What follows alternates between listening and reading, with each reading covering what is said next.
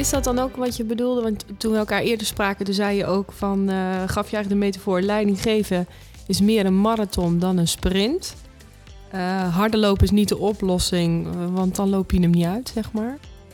Is dat dan ook wat je hiermee bedoelt? Dat je goed moet anticiperen, kan ik nog door? De verwachting dat als jij maar blijft bikkelen, zoals jij het beschrijft, dat je het dan uiteindelijk beter gaat krijgen. Dat leidt alleen maar tot teleurstelling. Dus je moet eigenlijk het bikkelen aan zich, daar moet je een cadans of een balans voor jezelf in vinden. En daar moet je ook je plezier uithalen.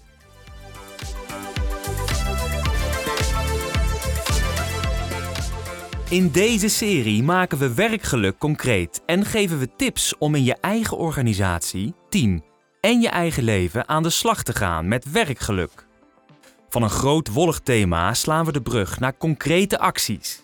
In elke aflevering nodigen we ondernemers en experts uit om hun praktijkervaringen met jou te delen. Welkom bij weer een nieuwe aflevering van de podcastserie Werkgeluk de Baas. Vandaag zit ik aan tafel met Erlijne Brookman. Welkom Erlijne. Dankjewel. Ja, en ik vind het heel erg leuk dat je er vandaag bent. Ehm, en ik ga jou even introduceren nu. Ehm, jij bent ehm, ooit begonnen met een studie geschiedenis. Die heb je ook afgemaakt. Maar vervolgens ben je op je 33ste directeur geworden bij eh Pink Rokade, Local Government. En ehm, dat is een hele bijzondere stap. Ja, waar, ik dadelijk even, op- waar ik je zeker nog even vragen over wil stellen. En ehm, jij houdt ook heel erg van bergbeklimmen. En eh, vandaag gaan we bergbeklimmen ook gebruiken als metafoor om uit te leggen waarom kwetsbaarheid een hele mooie kracht ook kan zijn. En hoe doorzettingsvermogen en ehm, uithoudingsvermogen wellicht ook. Maar ook ehm, hoe, dat, hoe dat zo samengaat ook met managen. En het managen van een organisatie. En ehm, hoe het soms ook eenzaam kan zijn daar aan die top. Dus ik kijk er naar uit. Ik ook, dankjewel. Ja.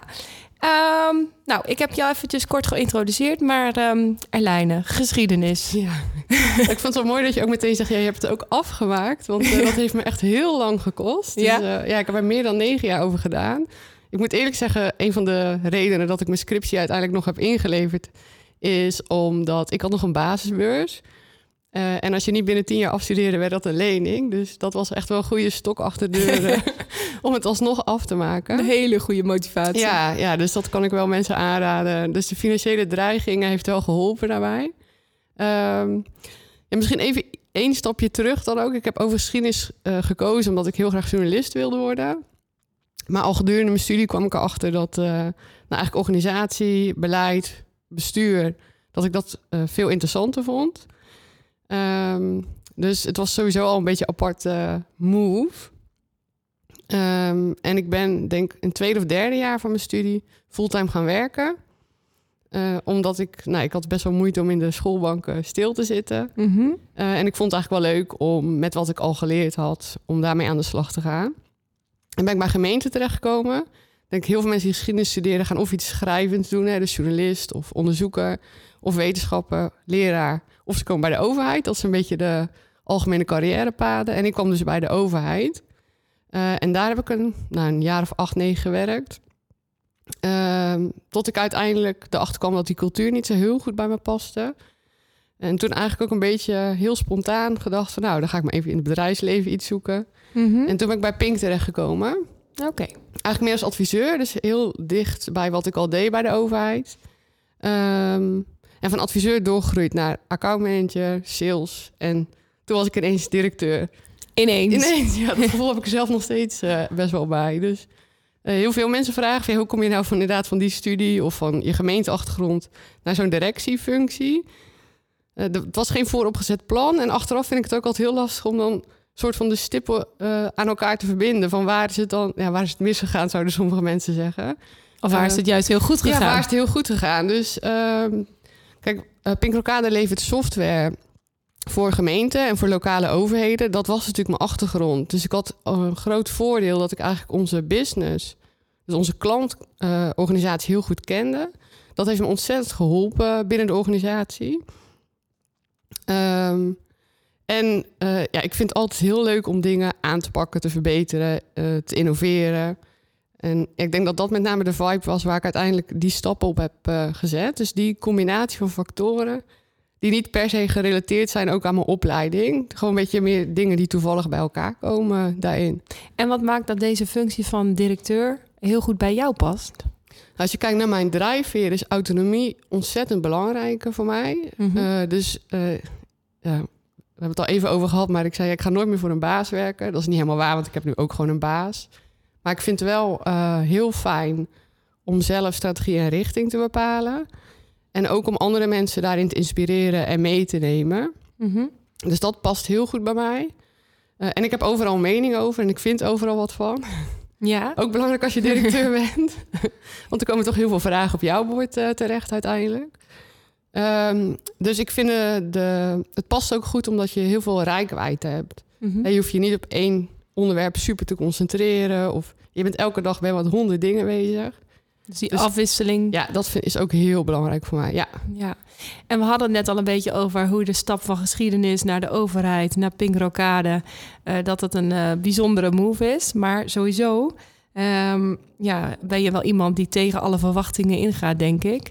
Want dat alleen, maar ook heel jong, want je was al op je 33ste directeur. Ja, Ehm, maar ook, je bent een vrouw in een behoorlijke mannenwereld. ja hè? klopt. Dus, ehm, nou ja, eh, wat, wat, wat drijft jou daarin? Ja, het grappige is, ik heb niet een soort vooropgesteld plan van... Nou, ik zal eens even bewijzen dat het wel kan. Dus ehm, wat ik zei, mijn drijfveer is heel erg... Hey, waar zie ik waar het beter kan, waar het anders kan... waar ik van toegevoegde waarde ben. En ik heb ook wel bewijsdrang. Dus zodra iemand gaat zeggen van... nou, dat is best ingewikkeld... of moet je dat nou wel willen... Ja, dan gaat bij mij wel het vuurtje aan van... nou, ik zal jou eens even wat laten zien. Hmm. Eh, dat helpt in die context. Dus ehm, wat je ziet in zo'n organisatie als Pinkrokade, grote organisatie, eh, nou, technisch, hè, de software, heel veel dat ik zeg, mannelijke energie. Eh, competitie, belangrijk onderdeel van de bedrijfscultuur. Heel ondernemend, misschien beter gezegd ondernemend dan competitie. Mhm. Daar ging bij mij het vuurtje wel op aan. En wat ik zei, niet misschien altijd met het vooropgezette doel om promotie te maken. Maar ik werd daar wel heel erg door getriggerd om het beste uit mezelf te halen. Om veel impact te maken op, ehm, ja, op de wereld om me heen. Eh, en uitdagingen. Nou, je had het al even over bergbeklimmen. Ja, Ja. Dat, daar, daar doe ik het voor. Hè? Ja, dus dat, eh, eh, ja, ik hou heel erg van mezelf. Constant in een andere omgeving brengen. Constant kijken van hey, hoe kan ik nog verder, nog harder, nog sneller. Dus dat, eh, eh, dat heeft daar heel erg bij geholpen. Ehm, en ik laat me niet zo snel afleiden daardoor door wat de gevestigde orde ervan zou denken. Jij houdt wel van een uitdaging. Ja, ja, ja, Ja. En Ja. ik hou ook wel van de underdog zijn. Dus dat eh, zeker als vrouw vaak in dit soort organisaties, maar ook in de overleggen waar ik wel eens aanschuif.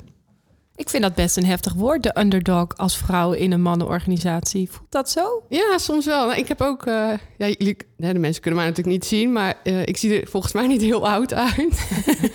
dus ik heb ook wel eens gehad dat mensen echt dachten dat ik de stagiaire was, terwijl ik op dat moment al de manager was van een afdeling of zo. Ja, ja. Ehm, ja, daar moet je wel een beetje in gaan hangen, zeg maar. Je kan daar heel boos over worden en heel gefrustreerd. Maar ik heb ook wel eens, dan zaten we met de leverancier en dacht, nou, ik hou gewoon eens even een uur mijn mond. En dan de laatste vijf minuten leg ik wel even op tafel, oké, maar ik ga hierover. Ja, dat helpt wel. En als je dat een beetje als spel gebruikt, dan, ja, ik, ik, het is misschien heftig, maar het is voor mij niet per se negatief om de underdog te zijn. Ja, ja. Dus je maakt ook wel heel handig, wou ik zeggen, handig gebruik van dat mensen je misschien onderschatten. Ja, ja. Ja. Ja, en dat is wel iets wat, je, wa- wat ik in ieder geval heb moeten leren. Hè? Want eh, ik zeg toen ik jong was, maar ik voel me nog steeds jong. En dan kan wel een beetje frustratie af en toe bij komen kijken. Dat mensen je niet altijd op waarde schatten. Ja. En maar zodra ik de knop om kon zetten van... hé, maar hoe kan ik dat eigenlijk in mijn voordeel gebruiken? Ja, Ja. dan wordt het meer een spel om daarmee eh, om te gaan. Wel mooi dat je dat zegt, want ik ben eh, vorig jaar werd ik 40 en iedereen zei: "Oh, 40, vind kijk zo tegenop, weet je wel." En toen dacht ik: "Ja, eigenlijk vind ik het ook wel lekker, want dan hoef ik niet meer zo. Ik hoef mezelf niet meer zo eh, te bewijzen. Je hebt je leeftijd mee, mensen nemen je wat sneller serieus, want ik liep daar dus altijd heel erg tegen aan dat ik mezelf zo wilde bewijzen en als vrouw en wat ik wist en wat ik kon. En jij zegt: "Oh, maar ik maak daar gewoon gebruik van." Ja, en- de, de vraag die ik vaak heb... Hè, want ik herken dat gevoel heel erg... dat het vaak veel meer in je eigen hoofd zit... dan Ja, dat het daadwerkelijk de omgeving het op je projecteert. Want als jij ergens al binnenkomt met het gevoel van... als ze zullen me wel niet serieus nemen... Ja, dan zet je al een soort van de toon van een gesprek... of in de omgeving. En als je er een beetje in gaat hangen... in de zin van, nou, eh, prima als ze dat doen... maar dan, dan heb ik ook uh, de mogelijkheid om dat in mijn voordeel te gebruiken... daar haalde bij mij in ieder geval ook de lading ervan af... Dat klinkt uh, wel heel lekker makkelijk. Daar moet je een beetje in gaan hangen. Maar ja. hoe doe jij dat, dat erin gaan hangen? Nee, ik denk dat het belangrijk is dat je eerst beseft dat je zelf die gevoelens hebt en dat je, jij het eigenlijk projecteert op de omgeving. Um, en uh, dat je dus accepteert dat dat wel kan gebeuren. Dus uh, wat jij eigenlijk beschreef, van nou, ik ga er een beetje tegen vechten, misschien zelfs in je eigen hoofd. En ook als je een gesprek hebt met iemand uh, waarvan je gewoon een beetje aanvoelt van hé, hey, oh, die ziet een vrouwtje, zo noem ik het dan maar altijd. Um, en als je kan zeggen, oké, dit gebeurt nu deze situatie. En dus niet meer tegen gaat vechten, maar dat juist even over je heen laat komen. En eigenlijk in je hoofd een strategietje bedenkt. Dat gaat weer heel makkelijk, hè, strategietje. van hoe kan ik dit in mijn voordeel gebruiken? Dan, ja, zodra je het gevecht loslaat, dan, dan, is, ja, dan is die lading eraf. Hè? Dus ja. uh, in dat situatie denk ik altijd maar aan een touw. Die ander gooit de touw uit, maar jij bent degene die eraan gaat trekken. Ja, mooi. Ja, ja. Ja, en ik, um, ik adviseer ook wel eens uh, cliënten in mijn, in mijn praktijk of mijn studenten ook van, ja, weet je, als je merkt dat je heel hard gaat vechten, dan kun je ook met je lijf, zeg maar, daar uh, gewoon fysiek voor jezelf een soort van anker van maken. Ja. Dan zeg ik, ga maar eens achterover zitten. Gewoon hangen. Letterlijk hangen in je stoel. Ja, ja, in plaats van voorover gaan zitten en vechten. Want op het moment dat je merkt van, oh, ik zit voorover, dan ben je heel hard aan het werk. Terwijl soms even achterover zitten en even niks doen, eigenlijk ook een hele goede strategie uh, ja, kan zijn. Ja. Ja, je kan jezelf dwingen inderdaad op die manier om meer naar een beschouwende rol te gaan. In plaats van ja, heel proactief en knokken erin. Ja, ja. dat is een hele mooie inderdaad. Ja. Hey, en als we dan toch even weer terug gaan naar het bergbeklimmen. Hè? Want je bent net weer terug uh, van het uh, beklimmen. Uh, waar ben je geweest? in Chamonix. Dus ik heb de Mont Blanc beklommen. Ja, ja ik vind dat wel heel bijzonder. Ja. En ook wel heel dapper. En daar, dat is volgens mij ook bij uitstek een omgeving waar je jezelf heel erg tegenkomt. En waar je ook de balans moet vinden tussen vechten en af en toe even toegeven. Ja, ja klopt. Ja, zowel mentaal als fysiek. Hè. Dus dat is, uh, vind ik wel echt een verschil met uh, nou, hoe we werken. Dus in het arbeidsleven. als je klimt, dan heb je twee factoren. Dus A, wil ik het nog? Hè, vind ik het nog prettig? En hoe voel ik me daarbij? En B is, ja, houdt mijn lijf het überhaupt nog wel vol? Dus daar is de confrontatie wat mij betreft nog iets harder. Mm -hmm. uh, want op een gegeven moment is het gewoon op. Uh, of niet. Maar dat is een hele andere afweging nog dan als je in een vergadering zit... of aan het eind van de werkdag daar mee te maken hebt. Mm -hmm. en als ik kijk naar klimmen, dat heeft me ook wel heel veel gebracht... richting mijn loopbaan. En ook hoe ik met bijvoorbeeld met mijn teams omga. Omdat juist dat fysieke element en eigenlijk er niet onderuit ko kunnen komen om daar iets mee te doen, heeft me veel meer bewust gemaakt van hoe we in het werk eigenlijk rondom dat mentale vechten of opgeven. Um, Kun je daar nog even wat meer toelichten? Hoe, hoe zie je dat? Die, hoe heeft het je geholpen dan? Nou, ik, uh, ik klim nog niet zo heel lang. Heel veel mensen die beginnen dan in hun jeugd met uh, bergwandelen en die, die, uh, die groeien daarin. Ik ben eigenlijk best wel laat begonnen met klimmen, een jaar of zeven geleden inmiddels. Um, en waar ik heel erg achter kwam, ik deed heel veel hardlopen. Uh, maar goed, dat is nog wel te overzien qua inspanning. Dus je kan als een kind niet zo lekker 10 kilometer lopen, maar nou, binnen een uur, maximaal anderhalf uur ben je weer thuis. Uh, bij het klimmen zit er veel meer zwaardere uh, afweging in. als jij op een berg bent en je houdt het niet meer vol, ja, dan kan je omdraaien, maar dan moet je nog steeds energie hebben om naar beneden te komen. Mm -hmm. als je, je kan niet daar gaan zitten en denken van nou. Pff, ik bel maar even een taxi of zo. Uh. ja. Nee. Uh, dus daarmee bezig zijn en ook daar veel beter over nadenken en veel beter voelen van hoe zit ik erin, zowel fysiek als mentaal. Uh, en eigenlijk veel beter je besluitvorming voorbereiden en ook over lange termijn erover nadenken. Het, dat deed ik eigenlijk nooit. Mm -mm. Dus niet op dat niveau. Ja, weet je, als het op je werk even niet gaat, dan breek je de vergadering af. Of je gaat naar huis omdat je je niet lekker voelt. Ja, die keuze, je kan niet in de bergen stil gaan zitten. Ja, dan overlijd je uiteindelijk. Mm -hmm. um, dus je wordt veel meer geconfronteerd met... hey, maak ik nou de goede beslissingen? En voel ik eigenlijk wel hoe ik erin zit? En ook hoe betrouwbaar ben ik uh, richting anderen om me heen. Hè? Ook bergklimmen doe je in een team. Dus als jij zegt dat je nog een paar uur door kan... dan moeten je collega's in dat team daar wel echt van op aankunnen. Ja, ja. Want zij eh, soms brengen ze hun eigen leven in gevaar doordat jij zegt: nee, we kunnen nog wel even. En ja, En het kan dan niet. nee, het kan niet. Ja, dan heb je echt hele vervelende situaties eh, Mhm. daarin. Is dat dan ook wat je bedoelde? Want toen we elkaar eerder spraken, toen zei je ook van... eh, gaf je eigenlijk de metafoor leiding geven is meer een marathon dan een sprint. Eh harde lopen is niet de oplossing, eh, want dan loop je hem niet uit, zeg maar. Ja. Eh, is dat dan ook wat je hiermee bedoelt? Dat je goed moet anticiperen, kan ik nog door? Ja, ik denk dat eh, eh, zowel als je kijkt naar leidinggeven, bergklimmen en heel veel vormen van duursport. ehm, het is heel makkelijk om te denken, oh, als ik daar ben, dan heb ik het gehaald. Dus als ik, nou ja, bij berg, als ik op de top ben, dan ben ik er. Dus ik hou er rekening mee, als ik nu nog even aanspan, dan haal ik dat punt. Eh, wat we vergeten is dat we bijvoorbeeld ook weer naar beneden moeten. En dat is ook heel veel energie kost. Dus de metafoor is inderdaad, als je alleen maar op een bepaald doel richt en dan denkt, hé, hey, dan ben ik er. Ja, dan ga je het niet redden als manager of als directeur. Want eh, de dag daarna is je eh één na groot probleem je groot probleem. Hè? Dus er komt altijd weer wat nieuws waar je ook de energie in moet stoppen. Dus je moet veel meer naar een cadans. eh, en naar een manier om het op de lange termijn vol te houden. Ja, want ik, wat, ik, wat ik inderdaad ook merk is dat heel veel leidinggevenden dan de problemen willen aanpakken en oplossen. Die verantwoordelijkheid ook heel erg voelen. Ja. En dan heel erg eh, hard gaan werken, gaten te gaan dichtlopen. Eh, want ze moeten overal wat van vinden. Iedereen heeft een goedkeuring nodig. Dat is veel verantwoordelijkheid. En, ehm, nou ja, en uiteindelijk lopen ze zichzelf voorbij. Ja, is precies dat. Dus eh, ik denk dat er een soort gedachte achter zit. Maar die herken ik heel erg bij mezelf. Van als ik dat probleem heb opgelost, nou dan zal het wel even rustiger zijn. En ik had een eh, collega, en een beetje mentor ook in de dire- directie een paar jaar geleden. Die zei, ja, maar als je je allergrootste probleem hebt opgelost... dan wordt je één na grootste probleem je grootste probleem. Ja, ja. Dus het aantal problemen blijft gewoon hetzelfde. Dus als jij werkt met een takenlijst en denkt, nou, die heb ik allemaal afgevinkt. Ja, de volgende dag zijn er gewoon, zit die weer vol. Dus het is ehm, de verwachting dat als jij maar blijft bikkelen, hè, zoals jij het beschrijft, dat je het dan uiteindelijk beter gaat krijgen. Dat leidt alleen maar tot teleurstelling. Dus je moet eigenlijk het bikkelen aan zich, daar moet je een cadans of een balans voor jezelf in vinden. En daar moet je ook je plezier uithalen. Ja, je gaf net aan dat zeg maar dat bergbeklimmen jou daar inzicht in heeft gegeven in hoe belangrijk dat is en hoe je dat kan doen. Hoe doe jij dat dan? Hoe zorg je dat je dan niet blijft bikkelen, die verantwoordelijkheid niet zo groot wordt dat je meent dat je blijft doorgaan? Nou, het grappige is misschien, het lijkt een beetje op wat jij net beschreef over eh, de underdog spelen. Dus ik denk dat het heel belangrijk is dat je het beseft. Hè? Dus dat je een, beetje in een meer beschouwende eh, houding daarin gaat zitten. Eh, en dat je heel goed nadenkt over hoe je zelf je energie en je mentale kracht zo optimaal kan toepassen. En dus als je kijkt naar bergbeklimmen, je hebt stukken daar is het wat vlakker, je hebt stukken daar is het wat steiler.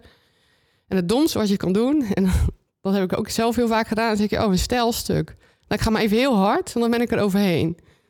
Ja, maar dan is je energie op voor de dag. Dus eh, even beschouwen van, oké, dat is nu een stijlstuk. Hoe lang moet ik nog? Eh, hoe ga ik dat aanpakken? Dus meer een plan ervan bedenken. En vervolgens misschien juist heel wat langzamer dat stuk doen, zodat je meer energie overhoudt. Nou, zo zou je misschien ook naar je werkweek of je maand of je jaar moeten kijken. Ehm, ja, eigenlijk dus niet maar gaan rennen, rennen, rennen en alle problemen aanpakken die voor je voeten liggen. Maar echt even de tijd nemen ehm, om na te denken over hoe je het wil. En niet alleen eh, wil in de zin van je bedrijfsresultaat, maar ook wil als mens. Hoe wil ik hierin staan? En hoeveel energie heb ik nog nodig om gewoon een leuk weekend te hebben ook? Ja, en dat klinkt heel makkelijk als jij dat zo zegt. En dan tegelijkertijd moet ik dan wel denken aan het feit dat je dan... eh, je bent niet alleen. Er zijn heel veel mensen die hebben jou nodig. Die verwachten van alles aan je. Die trekken van je, die trekken aan je. En ehm, hoe zorg jij er dan voor dat je daar dan niet in meegaat? Eh, Dat je dan dat plan ook echt kan maken, maar ook kan uitvoeren. Dat je dan denkt, oké, ik, ik pak de tijd, want ik wil deze marathon uitlopen. Ja. Eh, ik denk dat een van de belangrijkste eh, dingen die ik mezelf gun... is dat mijn agenda voor maximaal 60 tot 80 procent vol is. Dus je moet letterlijk tijd plannen en energie dus ook plannen... om A, die beschouwing te kunnen maken... maar ook om onverwachte dingen op te pakken. Dus ik weet gewoon... Elke dag komen er de dingen op mijn bord die ik gisteren niet eens bedacht had. En dat kan zijn eh, iets rondom een medewerker waar iets mee aan de hand is. Maar dat kan ook zijn eh, nou, er is iets met de software of er is iets met een klant. Dus zorg dat er voldoende ehm, ruimte in je hoofd en in je agenda is dat je dat ook kan oppakken. En dat het niet is, oh, we zitten al voor 120% vol en er komt nog 20% bij. Dus dat scheelt al heel erg. Dan zeggen mensen, ja, maar jij bent de directeur, dus jij kan je agenda daar mooi op uh, vrijmaken. Ehm, en dat lukt ook niet elke dag, ook niet bij mij. Maar het is wel een houding dat ik zeg, oké, er zijn ook heel veel afspraken die zijn wel belangrijk, maar die hoeven niet per se deze week. Dus ik plan veel verder vooruit. Ik ben nu met januari, februari bezig. Hoe kan ik mijn tijd zo indelen dat ik ook nog kan gaan klimmen? Ehm, en als iemand belt met een probleem, ja, je eerste houding is, en dat is denk ik ook echt de kracht van leidinggevende, juist die uh, je natuurlijk in dat bikkelen zitten. Je wil iemand helpen. Mhm. Eh, alleen je moet jezelf ook beschermen.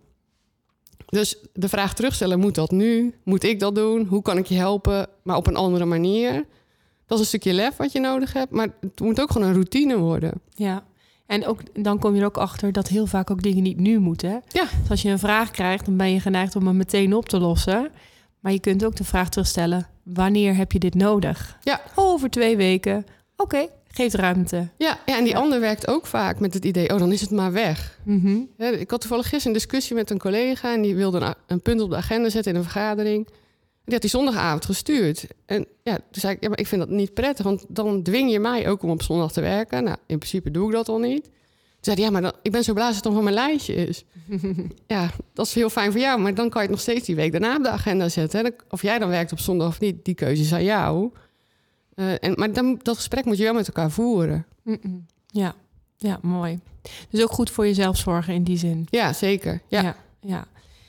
En um, goed voor jezelf zorgen. We hebben het eerder ook gehad uh, over nou ja, dat het soms ook wel eenzaam kan zijn aan de top. En dat het ook wel lastig is om goed voor jezelf te zorgen. Er zit natuurlijk ook een stukje kwetsbaarheid in. Van hoe zorg je dan goed voor jezelf? En hoe laat je ook andere mensen zien, zeg maar. Ehm, ja, hoe ervaar jij die, die kwetsbare kant eigenlijk van dat zelfzorgen? Ja, ik denk dat uh, als ik naar mezelf kijk, ook in mijn groei als leidinggevende, ik ben om mijn 33e directeur geworden, daarvoor was ik al een paar jaar manager. Mijn beeld van leidinggeven en misschien ook wel het beeld in onze organisatie en meer in de bredere maatschappij, was heel erg, oh ja, de leidinggevende die moet overal antwoord op hebben. je zei het net zelf ook al, dat is een beetje een houding waar veel managers ook mee worstelen. Ehm, ik denk dat er meer ruimte is ontstaan, en die merk ik in ieder geval bij mezelf, uh, om ook toe te geven, ik heb niet overal antwoord op. En uh, ik denk dat dat heel belangrijk is, om ook het goede gesprek met je team te hebben, maar ook om inderdaad ruimte te creëren voor die zelfzorg. En uh, ook om te laten, ik denk dat laten zien dat jij daarmee bezig bent ook heel krachtig is richting je team.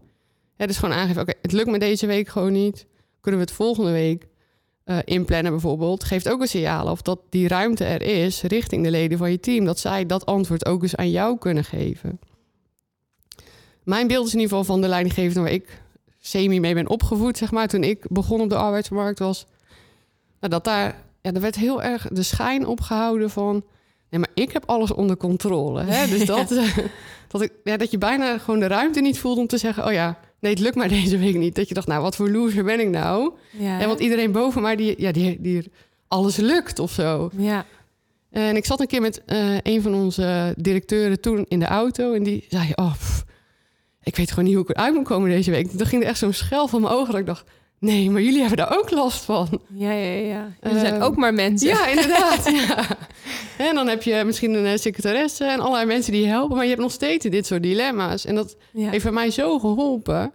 Dus ik geloof heel erg dat we ook als leidinggevende ruimte moeten maken om een stukje kwetsbaarheid te laten zien. Uh, dat het A, uh, de verbinding met je team helpt. Hè? Want ja, je wil graag toch ook een mens als leidinggevende.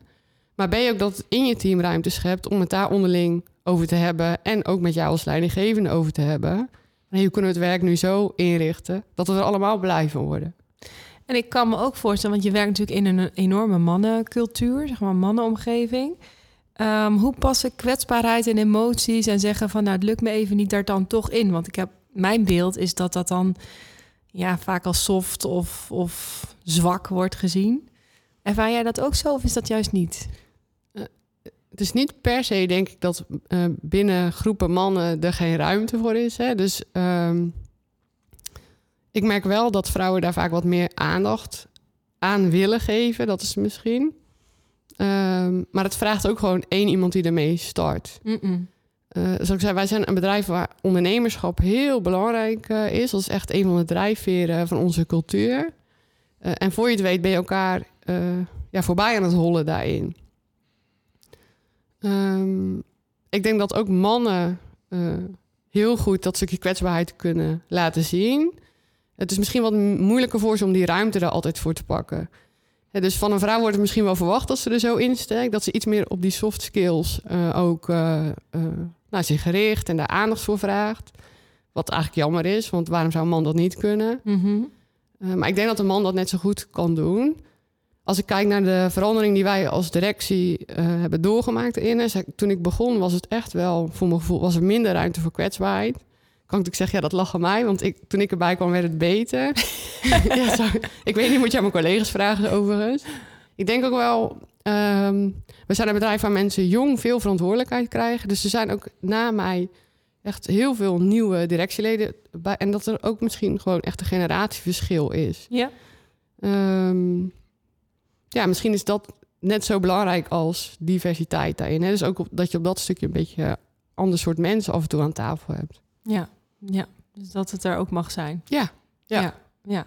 Mooi. En um, nou, wat, en dan wil ik je nog een andere vraag stellen. Want um, uh, uit, mijn, uh, uit mijn onderzoek, en dat was eigenlijk wel een verrassende uitkomst, uh, bleek dat mensen zonder leidinggevende, dus die zelf aan de top van een organisatie staan, dat die werkgelukkiger zijn dan mensen met een leidinggevende. En dat is, nou ja, dat is voor sommige leidinggevenden denk ik, oh, hoe dan? Maar um, ik zei jou, eh, dat ik vertelde jou ook dat dat uit het onderzoek was gekomen. En, um, maar tegelijkertijd weet ik ook dat werkgeluk niet per se toeneemt als je manager bent geworden. Hè? Dat, dat, er komen alleen maar meer verantwoordelijkheden bij. Het werk wordt daar alleen maar ingewikkelder van. En, um, maar toch herken je jezelf daar wel in. Ja. vertel eens. Ja, nou, ik zou een van mijn drijfveren is, nieuwe autonomie. Dus ik kan me wel heel goed voorstellen. Ieder voor mij heeft het heel erg geholpen. Als ik mijn eigen koers kan bepalen, dan ben ik gelukkiger. Hè? Uh, ik wil zeggen, niet altijd in de bergen, want soms moet je gewoon even iemand luisteren. Uh, maar zeker in mijn werk, dus, uh, autonoom beslissingen maken. en daar niet constant verantwoordingen over af te hoeven leggen. Ehm, dus ik kan me voorstellen dat dat heel veel bijdraagt aan geluk we hebben het over gehad, hè? dus ook onderzoek wat de drie drijfveren zijn voor de gelukkige medewerker was volgens mij purpose, mastery en autonomy. Dus met name dat autonomie-stuk, dat -hmm. zie ik daar heel erg in terug. Aan de andere kant verbaast het me ook een beetje, omdat um, ik denk dat je als hoe hoog je in een organisatie komt, dat de tegenstellingen heftiger worden. Vertel dus, eens. je hebt die autonomie, dat brengt meer geluk. Aan de andere kant, je hebt enorm verantwoordelijkheden. -hmm. Uh, en je draagt ze voor een steeds groter deel alleen. Ja. Dus ook dat negatieve, dus de druk die je ervaart, de stress, dat neemt ook enorm toe. Mm -hmm. En je krijgt gewoon bredere schouders, want anders dan red je het niet. Dus ik kan me voorstellen, dus ik ben wel benieuwd, misschien een vervolgonderzoek, of die tegenstellingen, dus meer werkgeluk, maar aan de andere kant ook meer eenzaamheid, uh, meer stress, dat dat daar ook in terug is komen. Dat kan ik me namelijk wel heel goed voorstellen. Ja, en wat bedoel je dan met die meer eenzaamheid? Nou, um, je team wordt gewoon kleiner om je heen. Dus uh, als ik bijvoorbeeld kijk naar onze organisatie, het aantal managers is gewoon vier, vijf keer zo groot als het aantal directeuren. Mm -hmm. Dus de mensen waarmee je dingen kan delen, waar jij elke dag mee zit, wordt ook kleiner. En ook, uh, je moet heel veel beslissingen nemen elke dag. Je kan niet alles aan iedereen vertellen. Dus een groot deel van de beslissingen die je maakt, hebben heel veel impact op je eigen leven, maar ook op de levens van je team. Uh, soms zelfs maatschappelijke impact of impact op je klantorganisaties. En je kan, ja, je kan steeds moeilijker mensen meenemen in die afweging, omdat je soms informatie niet kan delen vanwege privacy. Kun je eens een voorbeeld geven van zo'n beslissing? Nou, bijvoorbeeld als het uh, in een bedrijf of in een organisatie wat minder gaat en we moeten bezuinigen en dat betekent dat we mensen moeten laten gaan. Uh, ja, weet je, als je dat s'avonds in je spreadsheet zit uit te werken, het zijn alleen maar nummers, maar in je hoofd weet je dat het echt over mensen gaat. Ja, Ehm, mensen met gezinnen. Met gezinnen, ja. Eh, mensen waar je vaak ook persoonlijk een hele goede relatie mee hebt. Dus, dus ik denk wel eens dat er ook wel eens een beeld staat van... ja, nee, dan, dan hak je die gewoon uit de spreadsheet... terwijl het gewoon emotioneel ook veel met je doet... ehm, als je dat besluit moet nemen. Ja. En eh, dat kan je niet altijd delen. Nee. Hè? Want eh, ja, jij bent verantwoordelijk. Hè? Dus delen brengt ook meteen... Ja, je kan niet iemand anders mede die beslissing laten maken... Uh, maar je wil ook niet de stress, de organisatie inbrengen, um, terwijl het niet nodig is. Of hè, mensen moeten eerst hun eigen trek doorgaan op het moment dat ze, uh, ja, dat er wordt gezegd, hé, hey, ja, we hebben jou eigenlijk niet meer nodig. Mm -hmm. uh, dus dat, ja, dat kan je niet delen met anderen om je heen. Nee, dat maakt dus ook eenzaam. Ja, ja, en dat is dan heel erg op, op het klein, zeg maar, maar ook, um, hè, wat ik zei, ik vind het leuk om autonome richting bepalen, maar de richting die jij kiest voor je organisatie, die heeft ook de lange termijn consequenties. Mm -hmm. Dus uh, stel je voor, ik be uh, besluit om een bepaalde markt in te willen gaan. Uh, nou, dan ga ik daar mensen voor aannemen, ga ik een organisatie opbouwen. En na drie of vier jaar blijkt het gewoon het verkeerde besluit te zijn. Ja, dus we krijgen geen klanten of we krijgen het niet winstgevend. Daar hebben al die mensen er ook jaren aan gewerkt. Mm -hmm. zonder resultaat, op basis van mijn beslissing. Als je er heel dag over nadenkt, dan word je echt heel ongelukkig. Uh... Ja. Ja. ja, ik kan me voorstellen dat, dat, dat je daar niet te lang bij bestil moet staan. Nee. Ja, maar het is wel de realiteit. Ja. En ook tegelijkertijd wel belangrijk om het wel te beseffen dat het zo is. Ja, en daar denk ik wel eens, uh, ook als ik bijvoorbeeld met uh, jongere collega's of mensen die zeggen: hey, ik zou op termijn wel manager of directeur in een leidinggevende positie willen innemen, wat mensen zich niet altijd beseffen. Mm -mm. Ja, dus het is altijd heel leuk. Nou, je hele dag bestaat nog uit vergaderen en je hebt heel veel verantwoordelijkheid en meestal verdien je ook wat meer. Maar de druk waaronder je werkt uh, en de impact van wat jij doet op de mensen om je heen, ik denk dat heel veel mensen dat onderschatten. Ja, en dan, en, en, en dan geloven in de mythe dat als je later manager bent, dan kun je de dingen doen zoals jij ze fijn ja, vindt. Ja. Ja. Alsof je dan niet meer te maken hebt met je omgeving en je stakeholders en uh, nou, ja, alles wat daarbij hoort. Ja, ja. ja. Hey, en um, we hadden het net over waarom jij uh, werkgelukkig bent. Hè? Dat je die autonomie en de beslissingsvrijheid, uh, die uh, aspecten, dat die bij jou, voor jou belangrijk zijn. Purpose, moet ik zeggen. Um, hoe zorg jij ervoor dat jouw team dat ook heeft? Ja, of jouw bedrijf? Ja, ik denk dat een van de belangrijkste dingen is leiden door het goede voorbeeld te geven. Maar het gaat ook heel erg over ruimte geven. Um, ja, het is een heel bekende theorie. Hè? Als leidinggevende uh, moet je vooral de doelen stellen en hoe het dan uiteindelijk uh, tot wasdom komt. Ja, dat moet je bij de experts laten. Ik kan niet zeggen dat ik dat altijd doe, want ik, zeg, ik vind overal wat van. Um, dus ik durf daar de discussie wel eens in aan te gaan. Maar uiteindelijk, ja, ik heb heel veel mensen om me heen die heel verstand hebben van allerlei vakgebieden waar ik echt helemaal niks over weet. Dus ik heb wel geleerd om daar dan ook meer vertrouwen in te hebben. Uh, en die ruimte te, ja, te creëren door er ook niet heel de tijd bovenop te zitten met allerlei vragen. Uh, en daar komt ook een beetje dat stukje kwetsbaarheid. Dus ook toe te staan. Ik zeg, ik weet hier gewoon niks van, dus wil je me alsjeblieft helpen? Dit is het doel wat we willen bereiken. Hoe zou jij dat dan aanpakken? Uh, en soms zeggen mensen ook gewoon, nou, ik vind het echt een heel verkeerd idee. Dus uh, nou, ik waarschuw je eigenlijk dat we deze kant beter niet op kunnen gaan. Ja, durven mensen dat te zeggen? Gelukkig wel. Ja, oké. Okay. ja. ja. ik weet niet altijd, hè, dus ik weet niet wat ze niet zeggen. Dat, dat over, over verantwoordelijkheden gesproken en uh, druk.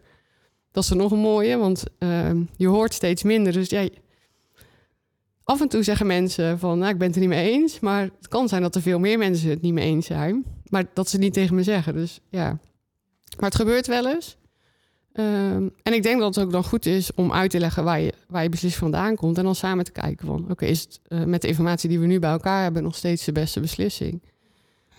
Uh, en ook dat weer niet te verstoppen, hè, dus ook een stukje kwetsbaarheid. Ik zeg, hey, deze medewerker, dit teamlid heeft gezegd dat dit niet een goede beslissing is geweest. Dus nu gaan we het anders aanpakken.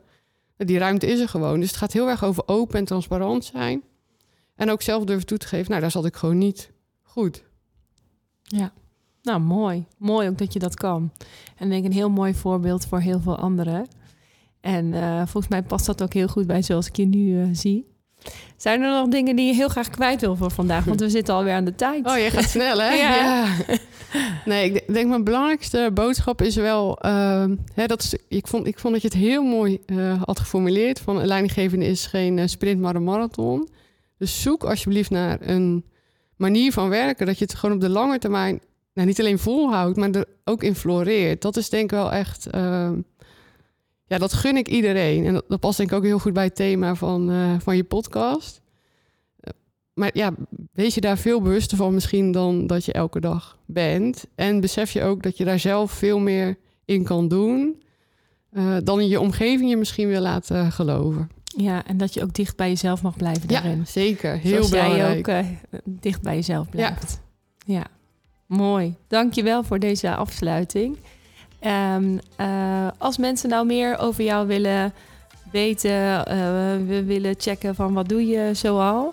Je hebt nog een podcast eh, opgenomen ook. Welke is dat? Weet je dat?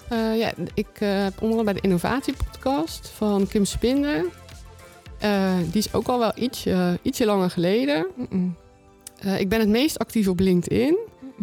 En tot irritatie van sommige van mijn collega's deel ik daar op dit moment vooral bergbeklimfoto's. Eh, af en toe ook wel wat zakelijke stukken. Maar als mensen op de hoogte willen eh, blijven of misschien contact willen opnemen, dan kunnen ze het best even mijn LinkedIn-pagina bezoeken. Ja. Nou, ik heb een hele bijzondere naam en ons voordeel dat je hem altijd zo eh, gevonden hebt Ja. daar. Erlijne Brookman, Yes, dankjewel dat je er was. graag gedaan. En dan zijn we weer aan het einde gekomen van deze aflevering van de podcast. Mm, nou, mo- mocht je nog vragen hebben of eh, eh, ook zelf een keertje bij mij aan tafel willen, dan mag je me mailen op werkgeluktebaas.fontes.nl. Beluister ook vooral ook de andere afleveringen van deze serie, want er staan nog een heleboel klaar om eh, beluisterd te worden. En vergeet het ook niet te liken en te delen met andere mensen. Ik hoop dat je er weer van hebt genoten en ik zie je graag de volgende keer.